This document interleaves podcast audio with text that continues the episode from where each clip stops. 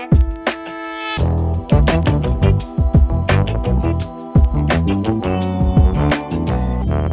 មជម្រាបសួរទស្សនិកជនទាំងអស់គ្នាសូមស្វាគមន៍មកកាន់កម្មវិធី podcast នៃគម្រោងជំនាញសិក្សានិងការងារដែលរៀបចំដោយសមាគមនិស្សិតអតីតនិស្សិតអាហារូបករណ៍ Fulbright និងអាហារូបករណ៍សហរដ្ឋអាមេរិកឬហៅកាត់ថា FUSAC ក្រោមការឧបត្ថម្ភដោយក្រុមហ៊ុន Smart Asita ដែល podcast របស់យើងថ្ងៃនេះនឹងជជែកពិភាក្សាគ្នាអំពីជំនាញ painting ដែលមានការចូលរួមពីវាគ្មិនកិត្តិយសមួយរូបដូច្នេះសូមស្វាគមន៍បងនីតាជួយណែនាំខ្លួននិងការងាររបស់បងឲ្យទស្សនិកជននិងអ្នកស្ដាប់បានស្គាល់ផងសួស្តីអ្នកទាំងអស់គ្នាខ្ញុំឈ្មោះ Q ចានីតាសប្តាហ៍ថ្ងៃធ្វើការខាង interior design ប៉ុន្តែក៏ជាអ្នកគំនូរម្នាក់ដែរអាចនិយាយថាជា artist ឬជា painter អឺសូមអរគុណបងសម្រាប់ការណែនាំខ្លួន ដើម្បីកុំឲ្យខាតពេលវេលាយូរយើងចូលទៅកាន់ការពិភាក្សាលម្អិតអំពីមុខជំនាញនេះតែម្ដងតើបងគិតថាអ្វីទៅជាមុខជំនាញ painting មុខជំនាញ painting ជាសិល្បៈនៃការគូរទៅតាមអាចថាជាអញ្ជាងជាផ្ទាំងកណាត់អឺឬលើវត្ថុផ្សេងផ្សេងបានវាក៏អាចជាការគូរនៅក្នុងកុំព្យូទ័ររបៀបបែប digital ក៏អាចថាបានដែរអឺតើកត្តាអ្វីដែលជំរុញឲ្យបង ស្រឡាញ់និងសិក្សានៅជំនាញ painting នេះអឺមកពីតាំងពីទូចខ្ញុំចូលចិត្តគូររូបលេងដូច្នេះវាជា passion ហើយជាចំណង់ចំណូលចិត្តមួយរបស់ខ្ញុំដែលខ្ញុំបន្តធ្វើវារហូតតាំងពីទូចរហូតដល់ចូលមហាវិទ្យាល័យហ្មងសម្រាប់នៅក្នុងជំនាញនេះដែរបងស្រឡាញ់ចំណុចណាជាងគេបងអឺខ្ញុំចូលចិត្តខ្ញុំស្រឡាញ់នឹងចូលចិត្តពេលដែលខ្ញុំអាចយកពេលដែលខ្ញុំកំពុងតគូររូបហ្នឹង ដាក់អារម្មណ៍ខ្ញុំចូលដាក់មនោសញ្ចេតនាខ្ញុំចូលហើយក៏ចូលចិត្តពេលដែលខ្ញុំឃើញលទ្ធផលចុងក្រោយដូចថាយើងអាចឃើញរូបហ្នឹងពេលបញ្ចប់អស់ហើយគេយកវាទៅដាក់តាំងនៅកន្លែងណាមួយអញ្ចឹងអឺអញ្ចឹងបងអឺតើជំនាញ painting ហ្នឹងអឺយើងអាចចែកចេញជាប្រមាណក្រុមដែរអឺ painting វាអាចចែកចេញជា2គឺ traditional painting និង digital painting traditional painting ហ្នឹងគឺពេលដែលយើងគូររូបដែលប្រើជក់ជាមួយនឹង color អាចថា color paint ឬ color ទឹកឬអីអញ្ចឹងហ្នឹងគឺជា traditional painting ហើយប៉ុន្តែដល់ពេល digital painting គឺការដែលយើងគូរវានៅក្នុងកុំព្យូទ័រ iPad ឬក៏ software អីផ្សេងផ្សេងសម្រាប់គូរអឺសម្រាប់សិស្សនិស្សិតដែលគាត់ចង់រៀនផ្នែកជំនាញមួយហ្នឹងតើគាត់ត្រូវត្រៀមអ្វីខ្លះជាមុនដើម្បីក្នុងការរៀនជំនាញហ្នឹងដើម្បីឲ្យគាត់អាចគូរគំនូរចេញមកបានស្អាតអីចឹងហ៎បង ខ្ញុំគិតថាសំខាន់បំផុតគាត់ត្រូវស្គាល់ខ្លួនឯងគាត់ត្រូវដឹងថាគាត់ពេញចិត្តហើយមានដងនៅខាងសិល្បៈឬខាងគំនូរនឹងអត់និយាយទៅគាត់ត្រូវតាមដានមើលថាពេលដែលគាត់តនេគាត់ចូលចិត្តធ្វើអីបើគាត់ចូលចិត្តគូររូបលេងហើយគាត់ចូលចិត្តបង្កើតសិល្បៈឬក៏អីអញ្ចឹងបានន័យថាគាត់នឹងអាចសិក្សាជំនាញនឹងបានតើបងគិតថាភាពលេចធ្លោនៅក្នុងជំនាញមួយហ្នឹងគឺ នៅចំណុចណាដែរបង ចំពោះខ្ញុំផ្ទាល់ខ្ញុំគិតថាចំណុចដែល painting គឺវាដូចនឹងរូបថតប៉ុន្តែវាមិនមែនថតដែលឧបករណ៍ប៉ុន្តែវាបង្កើតឡើងដោយដៃហើយនឹងមនុស្សអ្នកមើលឃើញរូបនឹងហើយដៃគាត់ជាអ្នកបង្កើតគូរូបនឹងចេញមកឲ្យចេញជាមែនតែនឲ្យយើងមើលឃើញអឺសម្រាប់តកតងជាមួយនឹងការងាររបស់បងសប្តាហ៍នេះដែរតើបងធ្វើការខាងអ្វីដែរបង ខ្ញុំធ្វើការខាង interior design ដោយសារតែខ្ញុំហ៊ានចប់បញ្ញាបត្រខាង interior design គេហៅថាតុបតែងលម្អស្ថាបត្យកម្មប៉ុន្តែដោយសារតែខ្ញុំមានចំណង់ចំណូលចិត្តនិងជំនាញនឹងដងក្នុងការគូររូបតាំងពីទូចដូច្នេះខ្ញុំនៅតែបន្តធ្វើខាង painting នឹងជាការងារមួយដែរនៅក្នុងការងារសប្តាហ៍ថ្ងៃហ្នឹងអឺសម្រាប់ការងារ painting បងនឹងដែរបងធ្វើការឲ្យខាងក្រុមហ៊ុនណាឬមួយក៏ បងជា freelancer ដែរបងអអត់អាចថាជា freelancer ឬក៏ជាក្រុមហ៊ុនណាមួយប៉ុន្តែគឺនិយាយទៅ independent artist ហ្មងដូចថាបើសិនជាមាន project ណាឬគម្រោងណាដែលគាត់ត្រូវការ painting ឬរូបភាពឬក៏អីដើម្បីរចនាអូម៉ាថាជាហាងគាត់មួយគាត់ត្រូវការមាន art piece សម្រាប់រចនាឬក៏អីអញ្ចឹងខ្ញុំអាចទទួលអឺធ្វើអា art piece ហ្នឹងឲ្យពួកគាត់បានអឺ សម្រាប់អឺក្នុងនាមបងជាអឺ painter ម្នាក់តើបងគិតថាមានឧបសគ្គអ្វីខ្លះសម្រាប់តែបងជួបប្រទះនៅក្នុងការធ្វើការងារមួយហ្នឹងឧបសគ្គដែលខ្ញុំជួបភាគច្រើនមានពីរចំណុចទី1ដែលធំជាងគេគឺខាងអឺមនុស្សអត់ទាន់ឲ្យតម្លៃខាង painting ហើយនិងខាង art នៅក្នុងស្រុកខ្មែរយើង ពួកគាត់នៅតែគិតថាហេតុអីគាត់ត្រូវចំណាយលុយទៅលើអីដែលគាត់អាច download យកពីក្នុងអ៊ីនធឺណិតដើម្បីយកមក print ហើយប្រើបានប៉ុន្តែពួកគាត់អត់យល់ថានឹងវាប៉ះពាល់នឹងកម្មសិទ្ធិបញ្ញា យើងជាក់ស្ដែងបើនៅតាមស្រុកក្រៅគេមានកម្មសិទ្ធិបញ្ញាលើអឺរូបភាពឬក៏អីអញ្ចឹងពួកគាត់អត់អាចចេះតែយករូបពីអ៊ីនធឺណិតដើម្បីយកទៅ print ដាក់នៅកន្លែងណាមួយបានទេគាត់ត្រូវការសំសិទ្ធពីគេហើយដល់ពេលអញ្ចឹងនៅស្រុកខ្មែរយើងគាត់នៅតែអត់ទាន់ឲ្យតម្លៃខាងអាតដោយសារគាត់គាត់គិតថាវាស្រួលបង្កើតវាងាយស្រួលហោហេតុអីក៏យើងអឺ យកថ្លៃសម្រាប់ខាងនឹងអញ្ចឹងយកថ្លៃខ្ពស់អញ្ចឹងហើយឯចំណុចទី2គឺតកតងនឹង deadline និងពេលវេលាដែលអឺភ្ញៀវគាត់តែងតែឲ្យមកខាងអ្នកគូអ្នកអីអញ្ចឹងគាត់ឲ្យរយៈពេលជួនកាលខ្លីពេក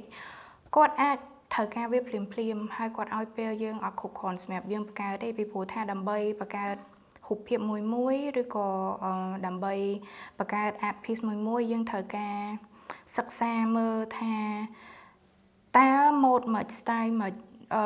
inspiration ឬក៏ story អីដែលអាចដាក់ទៅក្នុងរូបភាពហ្នឹងដើម្បីឲ្យសមជាមួយនឹងកន្លែងរបស់គាត់ឬក៏អីអញ្ចឹងរួចពេលណាដែលយើងបាន story ហ្នឹងហើយយើងត្រូវការពេលដើម្បីបង្កើតវាទៀតពេលដែលបង្កើតវាហ្នឹងជួនកាលវាអាចមានឧបសគ្គថាអូវាអត់ស្អាតកន្លែងណាយើងត្រូវកែកន្លែងណាអីអញ្ចឹងទៀតដូច្នេះខ្ញុំគិតថាវាពិបាកដោយសារបើសិនជាភ្ញៀវគាត់អត់មានពេលឲ្យយើងច្រើនយើងអាចសម្រេចទាំងអស់ហ្នឹងបានទេ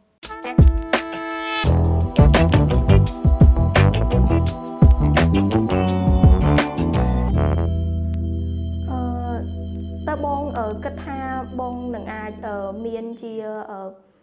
ពាក្យពេចន៍អ្វីសម្រាប់និយាយទៅកាន់ប្រជាជនខ្មែរយើងដើម្បីឲ្យគាត់ទទួលស្គាល់ painting នៅក្នុងស្រុកខ្មែរដើម្បីឲ្យ painter របស់យើងគាត់អាចប្រកបការងារនេះបានដូចនៅស្រុកក្រៅបង ខ្ញុំចង់ឲ្យគ្រប់គ្នាឲ្យតម្លៃខាងសិល្បៈជាងមុនហើយគិតថាទោះបីជាវាមើលទៅវាងាយស្រួលក្នុងការបង្កើតប៉ុន្តែធៀបពិតវាអត់ងាយស្រួលក្នុងការបង្កើតទេមិនមែនគ្រប់គ្នាអាចមានដងអាចចេះតែបង្កើត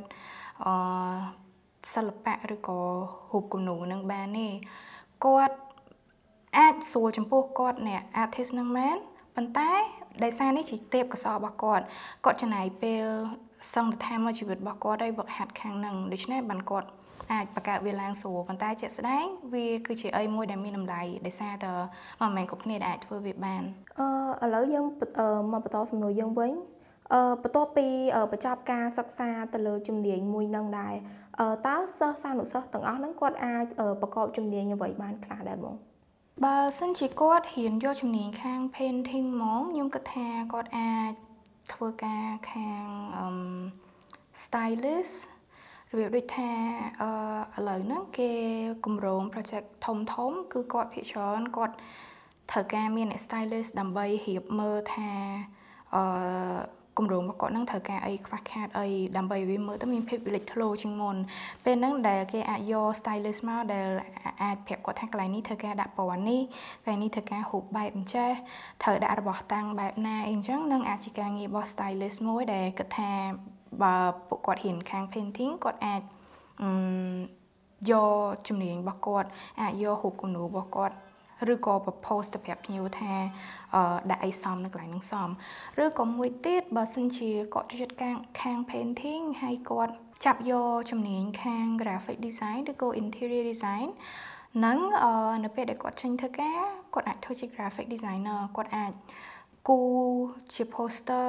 អាច design poster អាច design banner ឬក៏អអាចធ្វើបានជាច្រើនទៀតទាំង logo ទាំង menu ទាំងអីទាំងអស់ហ្នឹងបើសិនជាគាត់ចូលចិត្តខាងគូរូបហើយគាត់បន្តយក graphic design ហើយបើសិនជាគាត់ចូលចិត្តខាង painting ហ្នឹងគាត់មានដងខាងហ្នឹងហើយគាត់ចាប់យក interior design អឺហ្នឹងខ្ញុំគិតថាកាន់តែភាសាទៀតព្រោះម៉ែថាបើសិនជាគាត់មានទទួល project តបតែងលម្អអឺ ភោជនីយដ្ឋានឬក៏ផ្ទះអីចឹងគាត់អាចអឺលើកយកឡើងគំនូររបស់គាត់ឬក៏សិល្បៈរបស់គាត់ហ្នឹង propose នៅក្នុងគម្រោងហ្នឹងឲ្យទៅភ្ញៀវថាបើសិនជាបងសង់ផ្ទះបែបនេះធ្វើហាងបែបនេះកន្លែងឈុំនេះបងអាចប្រើអាតរបៀបអញ្ចេះ painting របៀបអញ្ចេះអញ្ចឹងបានហើយពេលហ្នឹងឯងដែលយើងមានឱកាសសម្រាប់យកអាតរបស់ខ្លួនឯងហ្នឹងយកទៅដាក់បញ្ចេញនៅពេលហ្នឹងអឺ តើបងគិតថាជាសិស្សឬក៏និស្សិតប្រភេទណាដែរដែលស័ក្តិសមនឹងរៀនជំនាញមួយនេះខ្ញុំគិតថាគាត់ត្រូវទៅចូលចិត្តសិល្បៈគាត់ត្រូវតែមានដងខាងសិល្បៈហើយខាងបើសិនជាគាត់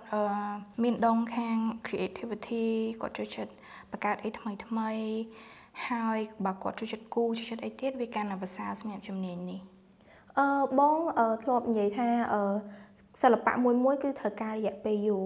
អញ្ចឹងបានន័យថាអឺ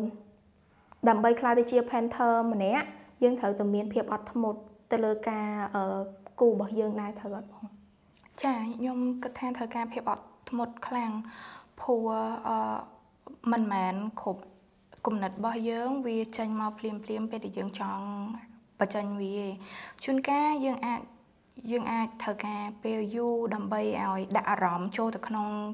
ការងារនឹងបានយើងត្រូវការពេលវេលាដើម្បីដាក់មនោសញ្ចេតនាដាក់អារម្មណ៍ហើយធ្វើការងារនឹងឲ្យវាម៉ត់ចត់ហើយត្រូវជាមួយនឹងសាច់រឿងដែលយើងចង់បង្ហាញអឺ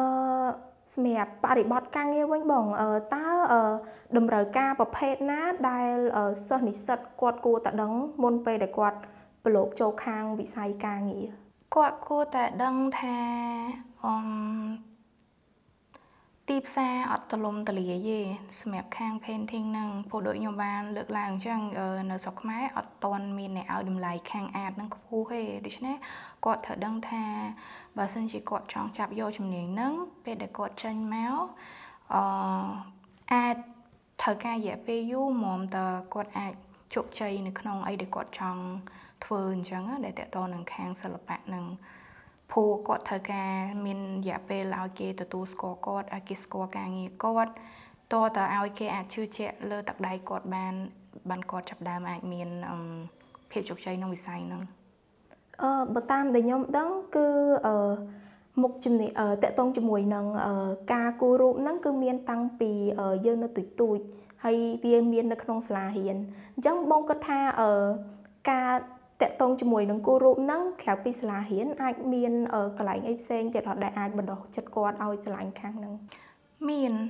ជាក់ស្ដែងនេះមិនមែនជាជំនាញមួយដែលគាត់អាចរៀនបានតែពីសាលាសុទ្ធទេគឺវាសំខាន់ទៅលើការរៀនខ្លួនឯងផ្ទាល់ការវឹកហាត់ខ្លួនឯងផ្ទាល់អឺបើសិនជាគាត់ចង់មានបើគាត់ចង់ឲ្យការគូរបស់គាត់កាន់តែល្អជាងមុនគាត់ត្រូវវឹកហាត់ រៀងរាល់ថ្ងៃគាត់អាចមើលទៅតែមើលពីវីដេអូនៅក្នុង YouTube អាចមើលការងាររបស់អឺ artist ផ្សេងផ្សេងចឹងហើយអង្គុយសិក្សាមើលថា គេគូរបៀបម៉េច style ម៉េចអាចមើលរបៀប technique គេ brush stroke របស់គេពណ៌គេអីចឹងដើម្បីសិក្សាមើលបន្ថែមថាអឺគាត់អាចធ្វើមិនបានដើម្បីឲ្យទទួលបានលទ្ធផលស្អាតដូចគេអីចឹងអឺមួយទៀតបងតើអឺ បងគិតយ៉ាងម៉េចដែរសម្រាប់សិស្សនិស្សិតដែលគាត់ហ៊ានបដាធ្វើការបដាបងគិតថាវាមានផលលំបាកឬក៏អត្ថប្រយោជន៍មិនខ្លះដែរបងបើសិនជាពួកគាត់ជ្រើសរើសយកជំនាញ painting ហ្នឹងហើយគាត់ធ្វើការបដាហ៊ានបដា ខ្ញុំគិតថាអត់មានឧបសគ្គអីឲ្យតែគាត់អាចលៃម៉ោងហើយនឹងពេលវេលារបស់គាត់ឲ្យបានធំត្រូវបែងចែកថាគាត់ធ្វើការរយៈពេលប៉ុន្មានសម្រាប់ធ្វើការហ្នឹងហើយរយៈពេលប៉ុន្មានទៀតគាត់អាចធ្វើការងារសាលារបស់គាត់ប៉ុន្តែគាត់ថាវាជាចំណុចល្អមួយដែរបើគាត់ធ្វើការបដារៀនបដាព្រោះថាគាត់អាចមានរយៈពេលច្រើនមុននឹងគាត់មុនពេលដែលគាត់ហ៊ានចប់ដើម្បី explore ខ្លួនឯងដូចថាអឺមើលថាគាត់បកកែខាង painting បែបណា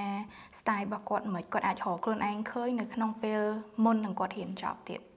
អឺអញ្ចឹងដោយសារតែពេលវេលាយើងមានកំណត់តើបង មានពាក្យពេចន៍ឬក៏សំណុំពរអ្វីដល់សិស្សនៅក្នុងការជ្រើសរើសជំនាញសិក្សានិងអាជីពការងាររបស់គាត់អឺទី1គាត់ត្រូវស្គាល់ខ្លួនឯងឲ្យច្បាស់ដឹងថាគាត់ចូលចិត្តអីគាត់មានដងខាងអីហើយ ចំណុចមួយទៀតដែលសំខាន់ជាងគេគឺគាត់ត្រូវតែជំរុញខ្លួនឯងដើម្បីសាកល្បងអីថ្មីកុំឆាប់អស់សង្ឃឹមពេលដែលជួបឧបសគ្គតិចតួចនៅក្នុងការចាប់ផ្ដើមធ្វើវានិយាយទៅគឺធ្វើមិនគឺខំរុញខ្លួនឯងឲ្យកាន់ឲ្យធ្វើការងារហ្នឹងឲ្យបានល្អចឹងសូមអរគុណដល់បងនីតាដែលបានចំណាយពេលវេលាចូលរួមក្នុងការថត podcast របស់យើងថ្ងៃនេះ អឺក៏សូមអរគុណដល់ទស្សនិកជននិងប្រិយមិត្តដែលបានចំណាយពេលស្ដាប់ podcast នេះដែរសង្ឃឹមថាកិច្ចពិភាក្សានេះនឹងផ្ដល់ជាជំនួយនៅក្នុងការគិតនិងពិចារណាដល់សិស្សនិស្សិតក្នុងការជ្រើសរើសជំនាញសិក្សានិងអាជីពការងាររបស់ពួកគាត់នាងខ្ញុំសូមអរគុណសូមជម្រាបលា